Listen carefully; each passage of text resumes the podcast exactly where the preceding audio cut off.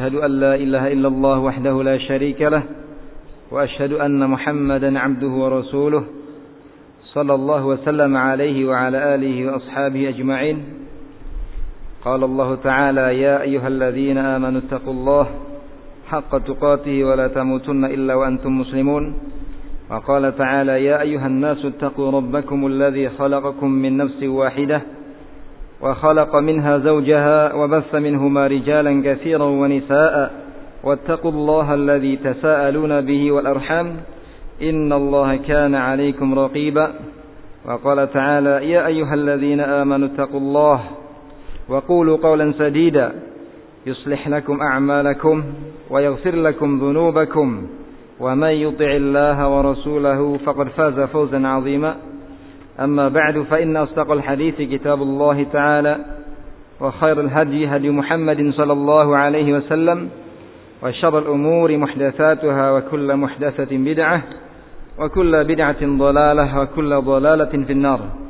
معاشر المسلمين جماعة صلاة maghrib rahimakumullah Baik kita kembali membaca kitab Al-Jawabul Kafi liman sa'ala an Ad-Dawa Asy-Syafi lil Imam Ibn Al-Qayyim rahmatullah taala alaih. Pada pertemuan sebelumnya kita telah membahas tentang fadail ad-du'a, keutamaan-keutamaan dari doa. Dan sekarang kita masuk kepada, kepada fasal berikutnya yaitu al-ilhah fi du'a.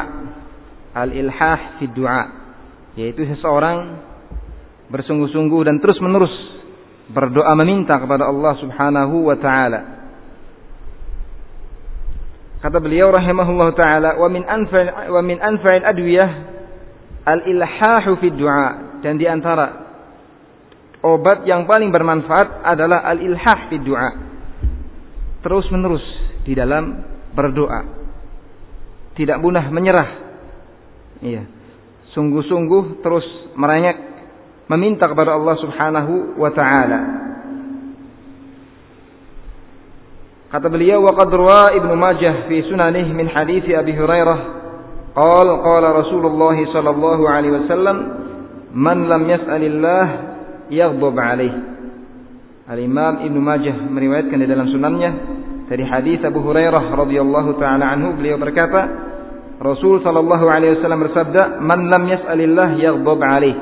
Siapa saja yang tidak mau meminta tidak mau berdoa kepada Allah maka Allah Subhanahu wa taala akan murka kepadanya.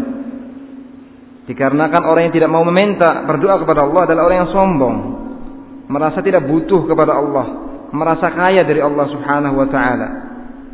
Sehingga Allah Subhanahu wa taala murka kepadanya. Sehingga hendaknya kita terus berdoa dan berdoa kepada Allah. Jangan ada bosan-bosannya untuk meminta berdoa kepada Allah. Karena di dalam doa itu ada beragam ibadah, beragam ubudiyah. Ada ketundukan kepada Allah, ada kesiqohan, kemantapan kepada Allah Subhanahu wa taala, ada rasa butuh kepada Allah Subhanahu wa taala dan beragam ubudiyah lain yang terkumpul pada ibadah doa. Dan jangan kita mengiaskan dengan permintaan kepada manusia yang miskin. Manusia kalau diminta bahkan sering diminta yang muncul adalah apa? Ketidaksukaan. Iya. Ketidaksukaan kepada orang yang banyak meminta kepadanya. Karena apa? Manusia itu adalah orang yang fakir, makhluk yang fakir dan juga bakhil. Sehingga kalau kita sering meminta kepadanya bantuan, kebutuhan, maka akan memunculkan ketidaksukaan dalam hatinya. Berbeda dengan Allah Subhanahu wa taala, zat yang maha kaya raya, Allah senang, suka apabila hambanya banyak meminta kepadanya, berdoa kepadanya. Ya. Allah maha kaya. Kalau Allah subhanahu wa ta'ala berikan kebutuhan seluruh makhluk yang ada di muka bumi ini, maka itu tidaklah mengurangi sedikit pun dari kekayaan Allah subhanahu wa ta'ala. Wa fi sahih hakim min hadis Anas an Nabi sallallahu alaihi wasallam la ta'jizu fi du'a fa innahu la yahlik ma'a du'a ahadun di dalam Sahih Al-Hakim dari hadis Anas an Nabi sallallahu alaihi wasallam, beliau Nabi kita alaihi salatu wasallam sabda, "La ta'jizu fi du'a." Janganlah kalian merasa lemah, malas untuk berdoa. Fa innahu la yahlik fa innahu la yahlak ma'a du'a ahadun karena tidak ada seorang pun yang akan binasa celaka dengan berdoa kepada Allah Subhanahu wa taala. Hadis ini ada kelemahan dalam sanadnya. Hanya saja maknanya adalah benar. Maknanya sahih didukung oleh dalil-dalil yang lain. Wa dzakara al-Auza'i 'an Zuhri 'an Urwah 'an Aisyah radhiyallahu ta'ala anha qalat Qala Rasulullah sallallahu alaihi wasallam innallaha yuhibbul mulihin fid du'a. Al-Auza'i menyebutkan dari Al-Imam Az-Zuhri dari Urwah dari Aisyah radhiyallahu taala anha, beliau Aisyah berkata, Rasul sallallahu alaihi wasallam bersabda, "Innallaha yuhibbul mulihin fid du'a." Allah Subhanahu wa taala menyukai, mencintai orang yang terus-menerus bersungguh-sungguh di dalam berdoa kepada Allah Subhanahu wa taala. Hadis ini juga ada kelemahan dalam sanadnya. Tapi maknanya sahih bisa bisa jadi ini ucapannya salaf. Iya. Dikatakan oleh Abu Darda radhiyallahu taala anhu kata beliau, "Man yuksiru qara'al bab yushiku an yuftahlah, wa man yuksiru du'a yushiku an yustajabu an yustajabalah." Siapa yang sering mengetuk pintu, maka sebentar lagi akan dibukakan pintu untuknya. Dan siapa saja yang terus-menerus memperbanyak doa kepada Allah, maka sebentar lagi akan dikabulkan doanya, permintaannya. Dan juga Nabi kita Muhammad Wasallam beliau kalau meminta kepada Allah meminta tiga kali. Kalau berdoa kepada Allah berdoa sebanyak tiga kali. Sebutkan dalam hadis yang sahih karena Nabi Shallallahu Alaihi Wasallam idza da'a da'a salasan wa idza sa'ala sa'ala salasan adalah kebiasaan Nabi kita Muhammad Shallallahu Alaihi Wasallam kalau berdoa berdoa tiga kali. Kalau meminta kepada Allah meminta tiga kali. Di sini ada faedah pentingnya itu agar kita ilhah terus menerus di dalam meminta berdoa kepada Allah. Jangan kita mencukupkan dengan sekali dua kali doa. Kemudian berhenti. Obat saja yang kita makan agar kita bisa mengambil faedah manfaat darinya tidak cukup kita apa meminumnya sekali. Harus kita minum berulang-ulang. Iya. Ada yang sampai seminggu, ada yang dua minggu, ada yang lebih dari itu. Demikian pula halnya doa. Ya. Wa fi kitab Zuhdi lil Imam Ahmad an Qatadah qala qala muwarriq ma wajadtu lil mu'min mathalan illa rajulan fil bahri ala khashabah. فهو yad'u ya rabbi ya rabbi la'alla Allah an la'alla Allah azza wa jalla an dalam kitab Zuhud dari Imam Ahmad ya, milik Imam Ahmad rahimahullah disebutkan dari Qatadah. Beliau Qatadah mengisahkan. Qala muwarriq muwarriq berkata ma wajadtu lil mu'min masalan tidaklah aku dapati satu perumpamaan bagi seorang mukmin di dunia ini illa rajulan fil bahri ala khasyabah melainkan seperti seorang yang dia terapung-apung di lautan ala khasyabah di atas satu batang kayu fahuwa yad'u ya rabbi ya rabbi Kemudian dia berdoa kepada Allah Subhanahu wa taala, "Ya Rabbi, ya Rabbi, wahai Rabbku, wahai Rabbku, selamatkanlah aku, selamatkanlah aku." La'alla Allah an yunjiyah. Semoga Allah Subhanahu wa taala menyelamatkannya. Di sini beliau Muwarriq rahimahullah taala menggambarkan ya, satu permisalan yang sangat bagus kalau diterapkan atau kalau kita e, mencontoh permisalan ini kita terapkan dalam kehidupan kita, maka niscaya kita akan terselamatkan dari beragam kejelekan-kejelekan dunia. Kata beliau, seorang mukmin itu hendaknya dia seperti seorang yang terapung-apung di lautan, yang dia hanya berpegang sebatang kayu. Dalam kondisi kematian dari sana sini mengancam dia. Ada ancaman badai, ada ancaman ombak yang besar, ada ancaman ikan hiu, segala macam ancaman datang mengarah kepada dia. Apa yang terjadi? kira-kira pada hati orang yang seperti ini keadaannya? Tentunya dia dalam kondisi apa? Khusyuk berdoa kepada Allah Subhanahu wa taala, merengek kepada Allah Subhanahu wa taala, merintih di hadapan Allah Subhanahu wa taala. Iya. Karena di belakangnya ada kematian mengejar dia. Sehingga dalam kondisi khusyuk ya, berharap penuh kepada Allah Subhanahu wa taala agar Allah menyelamatkannya. Dia terus berdoa dan berdoa kepada Allah. Tidak putus-putusnya dia berdoa. Senantiasa lisannya mengucapkan doa kepada Allah. Ya Allah selamatkanlah, ya Allah selamatkanlah. Demikian pula seharusnya kondisi kita di dunia ini seperti orang ini. Kenapa? Karena kita di dunia penuh dengan apa? Fitnah, fitan, fitnah-fitnah, ujian-ujian, cobaan-cobaan. Ada ujian yang berupa syahwat dengan beragam macam jenisnya. Ada di sana juga ujian yang berupa syubhat dan ini lebih berat lagi daripada ujian yang berupa syahwat. Juga macamnya banyak sehingga kalau kita tidak mendekatkan diri kepada Allah Subhanahu wa taala, meminta kepada Allah bimbingan dan arahan, maka niscaya kita akan terseret oleh syubhat tadi, fitnah-fitnah tadi terdampar. Iya. Dalam fitnah yang naudzubillah menyesatkan. Sehingga kita dibimbing oleh Rasul sallallahu alaihi wasallam dan Allah juga sebelumnya untuk kita memperbanyak doa kepada Allah Subhanahu wa taala. Rabbana la tuzigh qulubana ba'da idh hadaitana wa hab lana min ladunka rahmah innaka antal wahhab ya muqallibal qulub tsabbit qalbi ala dinik dan seterusnya dari beragam doa yang dipanjatkan agar kita diselamatkan oleh Allah Subhanahu wa taala dari beragam fitnah yang sangat banyak di dunia ini. Meskipun kebanyakan orang tidak sadar, tidak mengerti. Iya. Kemudian kita masuk pada fase berikutnya yaitu min afati doa di antara penyakit-penyakit yang ada dalam doa yang ini bisa menyebabkan tertolaknya doa, tidak didengarnya doa. Wa min al-afat allati tamna' tarattub athar ad-du'a alayh an yasta'jil al-'abd al-'abd wa yastabti al-ijabah فيتحسر ويدع الدعاء وهو بمنزلة من بذر بذرا بذرا أو غرس غرسا فجعل يتعهده ويسقيه فلما استبطأ كماله وإدراكه tarakahu ahmalah.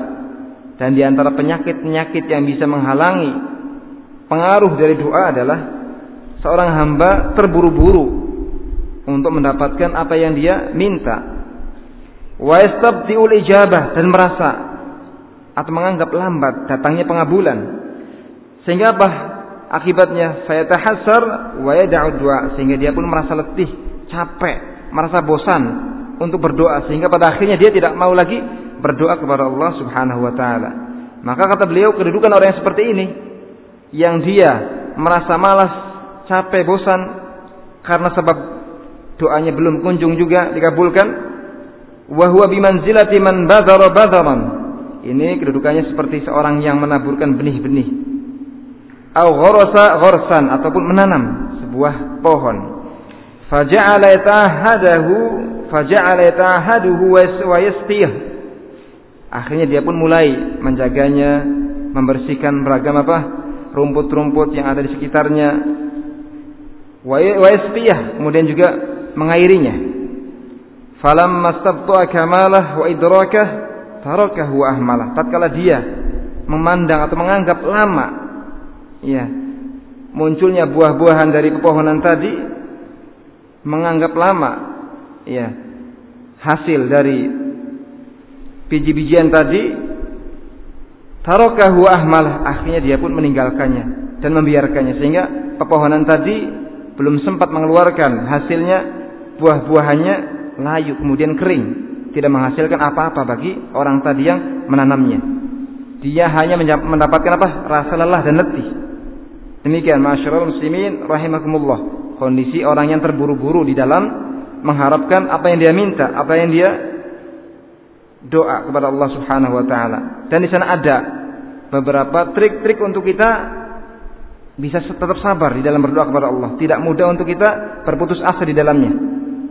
Di antara trik yang pertama adalah bahwasanya seorang yang berdoa kepada Allah dia harus meyakini bahwasanya dirinya sedang melaksanakan satu ibadah yang agung kepada Allah Subhanahu wa taala. Doa.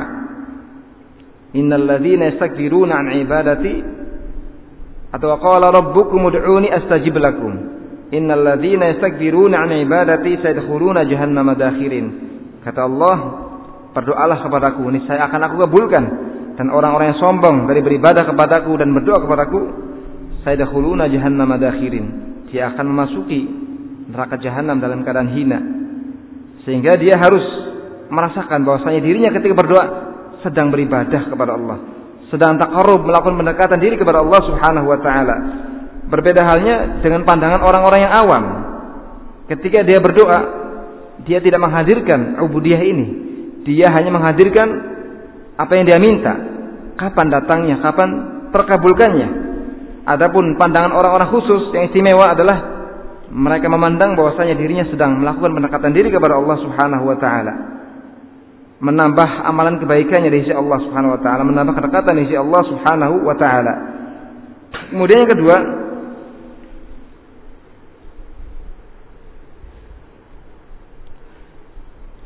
dia seorang yang berdoa itu harus meyakini bahwasanya dirinya adalah seorang yang faiz beruntung ya. dalam kondisi apa pun apakah doanya dikabulkan ataupun tidak ataupun ditunda maksudnya ya. jadi kata Nabi alaihi wasallam ma ma min abdin yad'u Allah taala bid'awatin illa a'tahu Allah ihda salat tidak ada seorang pun yang dia meminta berdoa kepada Allah Subhanahu wa taala melainkan akan Allah berikan satu dari tiga perkara. Imma an tu'ajjalahu da'watuhu fid dunya, ada kalanya Allah segerakan apa yang dia minta di dunia. Wa imma an tuddakhar lahu fil akhirah, ada kalanya Allah simpan apa yang dia minta di akhirat. Allah berikan yang lebih baik dari apa yang dia minta. Wa imma an yusraf anhu minasyarr mithluha, ada kalanya pengabulan doanya berbentuk Allah palingkan, Allah hilangkan kejelekan yang tadinya hampir menimpanya. Demikian, ya, faedahnya dari doa. Jadi faed, e, doa seorang yang berdoa tidak akan rugi. Ya. Dia dalam kondisi beribadah kepada Allah, di sisi lain dia mendapatkan hasilnya di sisi Allah Subhanahu wa taala. Wallahu alam, Allah lebih mengetahui apa yang terbaik untuk dia. Bisa jadi dia meminta sesuatu dalam kondisi Allah tahu sesuatu yang dia minta kalau Allah berikan itu berisi kejelekan. Sehingga Allah ganti pemberiannya dengan Allah simpan di akhirat ataupun dengan Allah Subhanahu wa taala palingkan dengan sebab dosa eh, dengan sebab doanya tadi kejelekan yang semisalnya. Ya. Fa'asa an tuhibbu syai'an syarrul lakum. Kata Allah bisa jadi kita menyukai sesuatu, meminta sesuatu kepada Allah dalam kondisi yang kita minta tersebut, yang kita sukai tersebut jelek bagi kita. Wallahu ya'lam wa antum la ta'lamun. Allah tahu sedangkan kalian tidak mengetahui. Sehingga kita harus husnudzan kepada Allah Subhanahu wa taala. Adalah Syekhul Islam Ibnu Taimiyah ya, rahimahullah taala. Beliau kata beliau seorang yang dia berdoa kepada Allah Subhanahu wa taala, meminta hajatnya kepada Allah Subhanahu wa taala, dia akan mendapatkan kelezatan, ketenangan yang itu kata beliau sebenarnya lebih dicintai, lebih baik dari apa yang dia minta. Ini tingkatan khawas, tingkatan orang-orang yang khusus. Jadi ketika dia berdoa kepada Allah, dia mendapatkan kelezatan. Ya, ubudiyah kepada Allah Subhanahu wa taala, mendapatkan ketenangan hati. Yang ini kata beliau lebih baik daripada apa yang dia minta kepada Allah Subhanahu wa taala. Ini tingkatan orang-orang khusus. Melihat kepada ubudiyah daripada doa. وفي صحيح البخاري من حديث أبي هريرة أن رسول الله صلى الله عليه وسلم قال يستجاب لأحدكم ما لم يعجل يقول دعوت فلم يستجب لي dalam Sahih Al-Bukhari dari hadis Abi Hurairah bahwasanya Rasulullah sallallahu alaihi wasallam bersabda akan dikabulkan untuk salah seorang di antara kalian doanya malam ya'jal selama dia tidak tergesa-gesa terburu-buru mengharapkan hasilnya yaqulu dia mengatakan da'autu falam yustajab li. Saya sudah berdoa, tapi belum juga terkabulkan untukku doa. Ini bentuk isti'jal yang menghalangi seseorang dari ijabatu da'wah. Wa fi sahihi Muslimin dan di dalam sahih Muslim Rasulullah alaihi salatu wasallam bersabda la yazalu yustajabu lil 'abdi ma lam yad'u bi ithmin aw qati'ati rahimin ma lam yasta'jil. Qila ya Rasulullah mal isti'jal? yaqulu qad da'awtu wa qad da'awtu أرى ara لي li. عند 'inda dhalika wa yad'u du'a. La yazalu yustajabu 'abdi senantiasa akan dikabulkan untuk hamba doanya. Selama dia tidak berdoa dengan doa yang berisi dosa-dosa dan kemaksiatan juga doa yang berisi pemutusan silaturahim. Malam yasta'jil juga selama hamba tadi tidak tergesa-gesa mengharapkan pengabulan doanya. Qila ya Rasulullah, mal isti'jal? Ditanyakan kepada Rasulullah, apa itu bentuk bersegera ataupun tergesa-gesa di dalam doa. Qala yaqulu qad da'awtu wa qad da'awtu falam ara yastajibu li. Seorang berkata, saya sudah berdoa dan telah dan sudah berdoa, sudah berdoa dan berdoa, mengulang-ulang doa. Falam ara yastajibu dan saya tidak melihat bahwa saya doa saya dikabulkan. Fayatahassar inda dzalika wa yad'u du'a sehingga dia ketika itu merasa letih, capek, malas sehingga akhirnya dia meninggalkan doa. Inilah penyakit yang menyebabkan terhalangnya doa seseorang. Ingin segera doanya didengar, dikabulkan. Ya. Wa fi musnad Ahmad min hadithi Anas qala qala Rasulullah sallallahu alaihi wasallam la yazalu al-'abdu bi khairin ma lam yasta'jil. Qalu ya Rasulullah, kaifa yasta'jil? Qala yaqulu qad da'awtu rabbi falam yastajib li wal falam yastajib li. Maknanya sama dengan hadis-hadis di atas. Dari Anas Rasulullah sallallahu alaihi wasallam bersabda, senantiasa hamba itu dalam kebaikan. Malam yasta'jil, selama dia tidak tergesa-gesa di dalam berdoa kepada Allah. Qalu ya Rasulullah, kaifa yasta'jil? Mereka para sahabat bertanya, "Wahai Rasulullah, bagaimana seseorang itu tergesa-gesa dalam doanya?" Qala yaqulu da'awtu rabbi falam yastajib li. Dia berkata, "Saya sudah berdoa kepada Rabbku, tapi belum juga Rabbku mengabulkan permintaanku, doaku." Ya, sehingga kita harus bersabar di dalam berdoa kepada Allah Subhanahu wa taala dalam kondisi terus kita mengintrospeksi diri-diri kita. Kekurangan apa yang ada pada diri kita sehingga menyebabkan lambatnya pengambulan doa. Kita koreksi bagaimana makanan kita, bagaimana perbuatan kita, apakah kita suka berbuat boling kepada manusia sehingga terhalang dari kita pengambulan doa. Kalau tidak ada di sana penghalang-penghalang, tinggal kita terus berdoa dan berdoa ilhah di dalamnya. Husnudzon kepada Allah Subhanahu wa taala.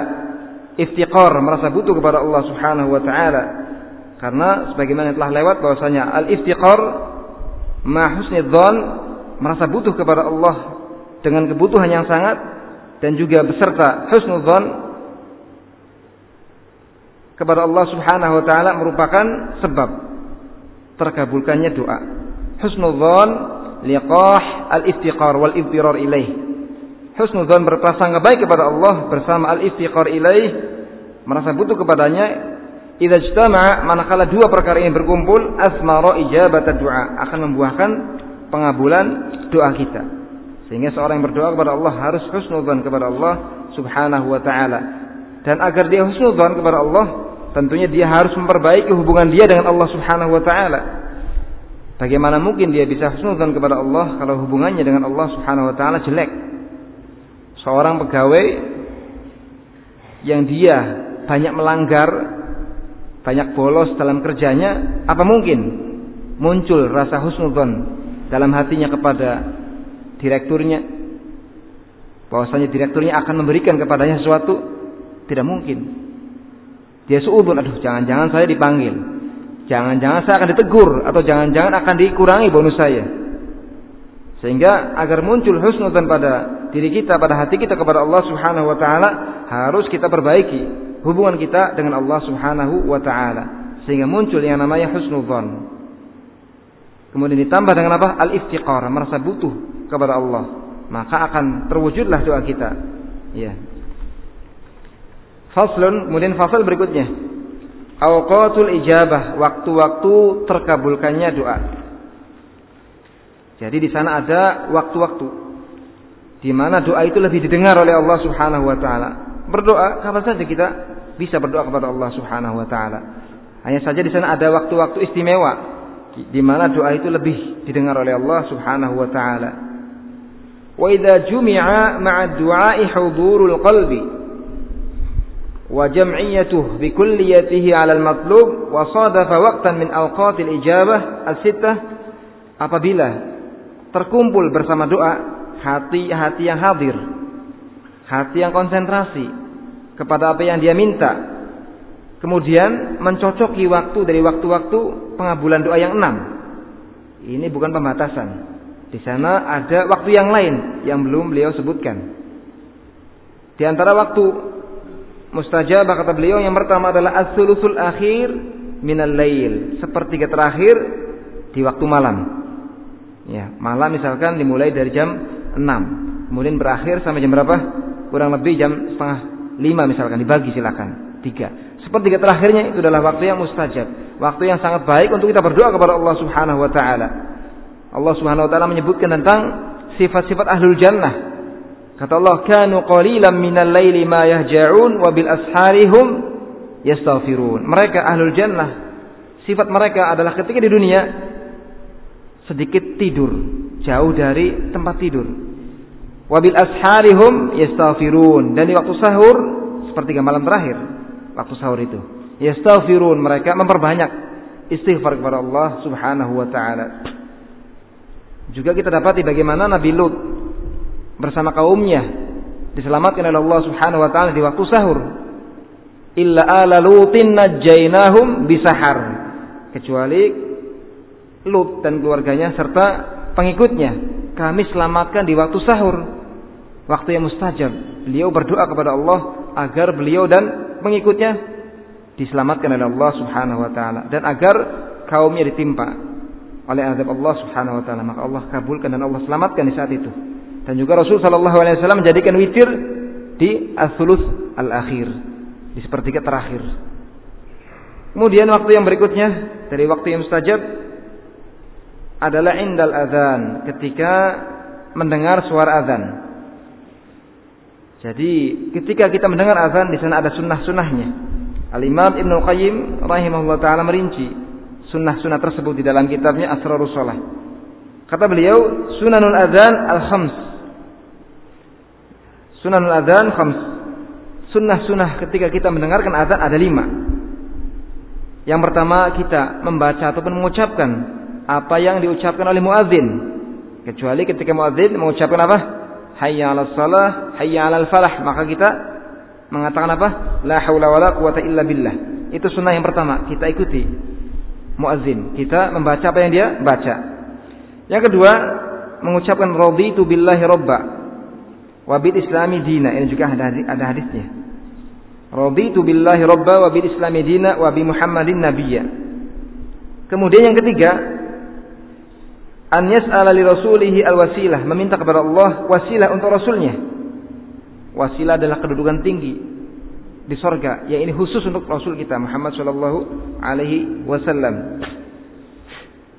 Kata Nabi alaihi wasallam, "Idza sami'tum nida faqulu mithla ma yaqul, sallu alayya fa innahu man shalla alayya salatan sallallahu bihi alaihi ashran, fa innaha manzilatun fil jannah la tanbaghi illa li'abdin min ibadillah wa arju an akuna anahu.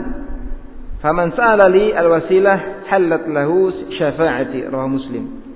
Apabila kalian mendengar an-nida suara azan maka ucapkanlah semisal apa yang diucapkan.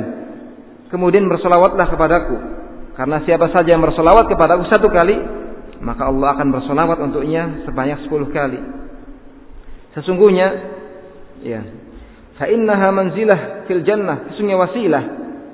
Ya. Itu adalah kedudukan yang ada di sorga yang tidak layak untuk didapatkan kecuali oleh seorang hamba dari hamba-hamba Allah. Dan aku berharap akulah orangnya. Sehingga siapa saja yang meminta kepada Allah wasilah untukku halat lahu syafaati yaumal qiyamah, maka halal dia berhak untuk mendapatkan syafaatmu di hari kiamat, di hari yang sangat mengerikan. Setiap kita butuh kepada syafaat Rasul Shallallahu Alaihi Wasallam. Ya, kemudian yang berikutnya kata beliau bersolawat kepada Rasul, sebagaimana yang tercantum dalam hadis tadi. Allahumma salli wa sallim ala abdika wa rasulika Muhammadin. Ya.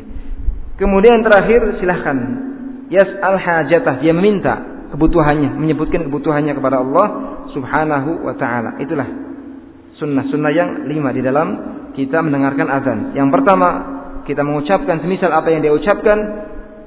Kemudian yang kedua kita membaca raditu billahi robba wa bil islami dina wa bi Muhammadin nabiyya ataupun rasula. Yang berikutnya yang ketiga kita membaca Allahumma rabba hadhihi da'wati tamah was salatil qa'imah sampai seterusnya. Dan yang keempat kita bersolawat kepada Rasul Shallallahu Alaihi Wasallam. Dan yang terakhir kita meminta hajat kita, kebutuhan kita kepada Allah Subhanahu Wa Taala. Kemudian waktu yang berikutnya dari waktu yang mustajab adalah bainal adzan wal iqamah di antara azan dan iqamah. Kata Nabi alaihi salatu wasallam la yuraddu ad-du'a bainal adzan wal iqamah. Tidak akan tertolak doa yang dipanjatkan antara azan dan iqamah. Sehingga kita manfaatkan waktu ini untuk kita memperbanyak doa kepada Allah Subhanahu wa taala. Dengan ikhlaskan doa kepadanya dengan khusyuk ya meminta kepadanya dan jangan sampai kita berdoa dalam kondisi ingin dilihat oleh manusia. Ya. Ingin dilihat seperti seorang yang semangat khusyuk di dalam berdoa kepada Allah. Karena ini adalah di antara penyebab tertolaknya doa. Ya. Wa adbar as-salawatil maktubat dan, dan juga di akhir-akhir salat yang fardu, salat yang wajib. Kata ulama, waktunya adalah setelah kita membaca tahiyat. Sebelum salam. Sebelum salam. Kita berdoa kepada Allah. Inilah waktu yang mustajab. Karena ketika kita sedang sholat, maka kita dalam kondisi bermunajah kepada Allah. Iya, dalam kondisi kita dekat kepada Allah. Apalagi ketika seseorang sedang sujud. Akrabu mayakunu bainal abdi wa rabbih wa. Kondisi yang paling dekat antara hamba dengan Rabbnya adalah ketika dia sujud. Fa'aksiru minad du'a sih. Sehingga perbanyaklah doa ketika itu. Ketika sujud. Juga sebelum apa? Salam. Adapun setelah kita selesai sholat, maka yang diperintahkan adalah kita berzikir kepada Allah. Faida qadaitumus sholata fadhkurullaha qiyama wa qu'uda wa ala junubikum. Apabila kalian telah selesai mengerjakan salat, maka berzikirlah kepada Allah dalam kondisi duduk, ya, di berdiri ataupun berbaring. Dan para ulama membolehkan untuk kita berdoa ya setelah kita berzikir kepada Allah. Berdoa dalam hati bainahu wa bainallah, tidak mengangkat tangan. Silahkan diperbolehkan untuk kita berdoa setelah kita membaca zikir. Bersolawat kepada Nabi kita Muhammad sallallahu alaihi wasallam. Kemudian silahkan kita meminta, boleh juga di saat itu untuk kita meminta meskipun yang paling utama dan paling afdol adalah sebelum salam. Karena kondisi kita ketika itu sedang bermunajah kepada Allah, dalam kondisi sangat dekat kepada Allah Subhanahu wa taala. Kalau sudah selesai, ya sudah selesai hubungannya munajahnya kita dengan Allah Subhanahu wa taala. Sehingga lebih afdol untuk kita berdoa dalam kondisi kita sedang sholat. Kemudian waktu yang lain adalah inda su'udil imam yaumal jumu'ah 'alal mimbar hatta tuqda as-salah. Min dzalikal yaum ketika imam menaiki mimbar, duduk di atas mimbar sehingga selesainya sholat. Di antara ulama ada khilaf ya terkait dengan waktu mustajab di hari Jumat. Kata Nabi alaihi wasallam, "Inna fil jumu'ah la sa'atan la yuwafiquhu 'abdun muslim wa huwa qa'imun yusalli yas'alu Allah taala syai'an illa a'tahu iyyah. Pada hari Jumat itu ada satu waktu yang mana apabila seorang muslim mencocokinya dalam kondisi dia berdiri salat meminta kepada Allah, meminta kepadanya sesuatu, melainkan pasti Allah berikan kepadanya. Di antara mereka ada yang menyebutkan waktunya adalah ketika imam duduk sehingga sholat, sholat selesai. Yang lain mengatakan adalah setelah asar sampai terbenamnya matahari. Sehingga kita manfaatkan dua waktu ini. Ya. Kemudian wa akhiru sa'ah ba'da al-'asr wa sadafa khusyu'an fil qalbi wa inkisaran baina yaday rabb. Dan waktu berikutnya adalah setelah asar. Ya. Itu enam waktu yang beliau sebutkan dan di sana ada waktu-waktu yang lain yang mustajab juga seperti ketika turunnya apa? hujan inda nuzulil matar. Ya. Kita tahu bahwasanya Al-matur adalah rahmat Allah Subhanahu wa taala. Di saat yang mana rahmat Allah turun, maka kita manfaatkan untuk kita meminta kepada Allah hajat kita. Berdoa kepadanya. Juga ketika seseorang dalam kondisi safar. Itu juga waktu mustajab untuk seseorang meminta berdoa kepada Allah Subhanahu wa taala. Ya. Wa sadafa khusyu'an fil qalbi ketika dia berdoa pada waktu-waktu tadi yang mustajab kemudian sadafa khusyu'an fil qalbi dalam kondisi dia mendapati kekhusyuan dalam hatinya. Wan kisarun baina yaday rabbi dalam kondisi luluh hatinya di hadapan Allah Subhanahu wa taala wa zillatan lahu dalam kondisi merendahkan diri, menghindarkan diri di hadapan Allah Subhanahu wa taala wa tadarruan wa riqqah tunduk kepada Allah dan merasa hatinya ini luluh di hadapan Allah Subhanahu wa taala. Wastaqbala da'i al-qiblah. Kemudian seorang berdoa menghadap kiblat wa kana ala taharah dalam kondisi dia di atas taharahnya wa rafa'a yadayhi ila Allah kemudian dia mengangkat kedua tangannya kepada Allah Subhanahu wa taala. Ya, dan terkait dengan mengangkat tangan dalam doa itu ada rinciannya. Yaitu apabila di sana ada keterangan yang menjelaskan bahwa Nabi alaihi wasallam berdoa dalam kondisi mengangkat tangan, maka kita berdoa dengan mengangkat tangan pula. Dan apabila di sana ada keterangan nas yang menunjukkan bahwasanya Rasul berdoa dalam kondisi tidak mengangkat tangan, maka kita pun tidak mengangkat tangan. Dan kalau di sana tidak ada keterangan yang menunjukkan bahwasanya Nabi ketika itu mengangkat tangan atau tidak, maka kembali kepada hukum asal doa itu kita mengangkat tangan. Ya. Wa bada bihamdillah wasana alih. Kemudian dia memulai doanya dengan memuji Allah Subhanahu wa taala dan menyanjungnya. Ya. Seperti dalam hadis yang muttafaqun alaih ya Rasul sallallahu alaihi wasallam memulai doanya dengan pujian dan sanjungan kepada Allah Subhanahu wa taala. Allahumma rabban rabbana lakal hamdu anta qayyimus samawati wal ardi wa ma fihinna. Ya Allah, untuk mulah segala pujian. Engkaulah yang menegakkan langit-langit dan bumi dan yang apa yang dan apa yang ada di antara keduanya. Walakal hamdu anta nurus samawati wal ardi wa ma fihinna. Dan hanya bagimulah ya Allah pujian itu. Engkaulah cahaya langit-langit dan bumi. Ya. Antal haq wa qaulukal haq wa wa'dukal haq wa liqa'ukal haq. Engkaulah yang hak, ucapanmu hak, janjimu hak dan juga perjumpaan dengan Allah, pertemuan denganmu ya Allah hak. Ini pujian.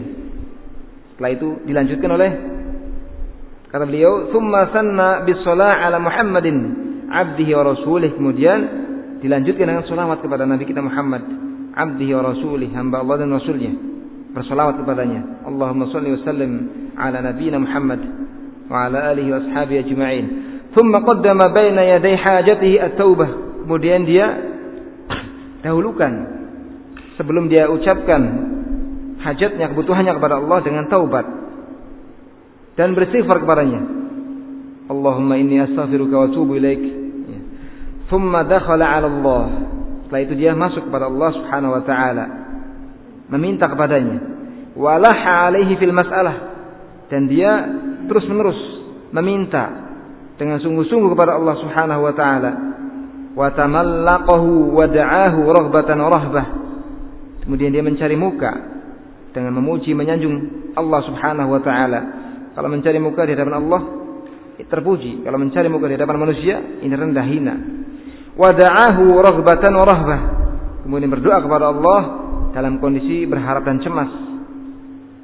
Wa tawassala ilaihi bi asma'ihi wa sifatihi wa tauhidih. Kemudian bertawassul kepada Allah dengan menyebut nama-nama dan sifat-sifatnya. Allahumma inni as'aluka bi asma'ikal husna wa sifatikal ula ataupun ya Rahman irhamni ya Ghaffar ighfirli ya Razzaq urzuqni wa tauhidi dan dengan mentauhidkan Allah Subhanahu wa taala Wa qaddama baina yaday du'aih akan ada nanti contohnya. Wa qaddama baina yaday du'ahi sadaqah. Kemudian dia mendahulukan sebelum dia berdoa kepada Allah sedekah. Bersedekah dulu, berbuat ihsan dulu kepada makhluknya. Fa inna hadha du'a la yakadu yuraddu abada. Maksudnya doa yang seperti ini hampir-hampir tidak tertolak. Wala siyama in sadafa al-ad'iya allati akhbara an-nabiy sallallahu alaihi wasallam annaha madhinnatul ijabah. Terlebih lagi kalau dia berdoa dengan doa yang telah dikhabarkan oleh Nabi alaihi wasallam bahwasanya doa ini adalah doa yang didengar dikabulkan oleh Allah Subhanahu wa taala. Dari sini ada faedah bahwasanya doa yang terbaik yang kita panjatkan kepada Allah adalah doa yang datang dari Allah dan Rasulnya. Ya. Itu yang paling baik. Di antara dalil yang menunjukkan kepada ini adalah ucapannya Allah Subhanahu wa taala dalam surat Al-Baqarah, "Fatalaqqa Adamu min rabbih kalimatin fataba alaihi." Maka Adam pun menerima kalimat-kalimat dari Allah Subhanahu wa taala. Akhirnya Allah pun menerima taubatnya. Kata ulama ini maksud dengan kalimat di sini adalah ucapan beliau, "Rabbana zalamna anfusana wa illam taghfir lana wa tarhamna lanakunanna minal khasirin." Diterima taubatnya. Sebelumnya telah berdoa meminta kepada Allah dengan doa-doa. Tapi belum Allah kabulkan. Setelah beliau Allah berikan kalimat ini, kemudian dia pun meminta kepada Allah, meminta ampun kepadanya dengan kalimat ini, maka Allah terima taubatnya. Sehingga ada faedah yang penting untuk kita berdoa menggunakan apa yang datang dalam Alkitab ataupun Sunnah. Di dalamnya semua yang kita butuhkan ada. Yang dibutuhkan adalah kita atau upaya kita untuk memahami makna-makna dari doa tersebut. Segala kepentingan kita baik dunia ataupun akhirat itu ada dalam Al-Quran ataupun Sunnah. Tinggal kita luangkan waktu kita untuk kita mempelajari doa-doa yang datang dari Allah dan Rasulnya. Au annaha mutadamminah lil ismil ataupun doa tadi mengandung penyebutan nama Allah yang al-a'zam yang termulia. Syekhul Islam Ibn Taimiyah mengatakan bahwasanya nama Allah yang termulia, termulia yang kalau kita meminta kepadanya akan dikabulkan adalah Al-Hayyul Qayyum. Ya Hayyu ya Qayyum, bi rahmatika astaghits. Wahai zat yang menegakkan seluruh para makhluk dan zat yang maha hidup disebutkan setelah itu hajahnya. Ya. Sebagian yang lain mengatakan bahwa saya al-ismul azam adalah tergantung hajat yang dia minta. Kalau hajat yang dia minta adalah apa? Ampunan, maka al-ismul azam adalah ya ghaffar misalkan. Ya ghaffar ighfirli. Kalau yang dia minta adalah rezeki, maka al-ismul azam yang harus dia panjatkan adalah ar-razzaq, ya razzaq urzuqni. Iya. Dan seterusnya dari nama-nama Allah Subhanahu wa taala. Iya. Demikian uh, untuk pertemuan ini kita cukupkan sampai di sini. Ya, insyaallah pada pertemuan berikutnya akan kita lengkapi bahasannya. Dan di sana nanti ada contoh-contohnya dari Nabi alaihi salatu wasallam. Ya, subhanakallahumma wa bihamdik asyhadu an la ilaha illa anta astaghfiruka wa atubu ilaik. Assalamualaikum.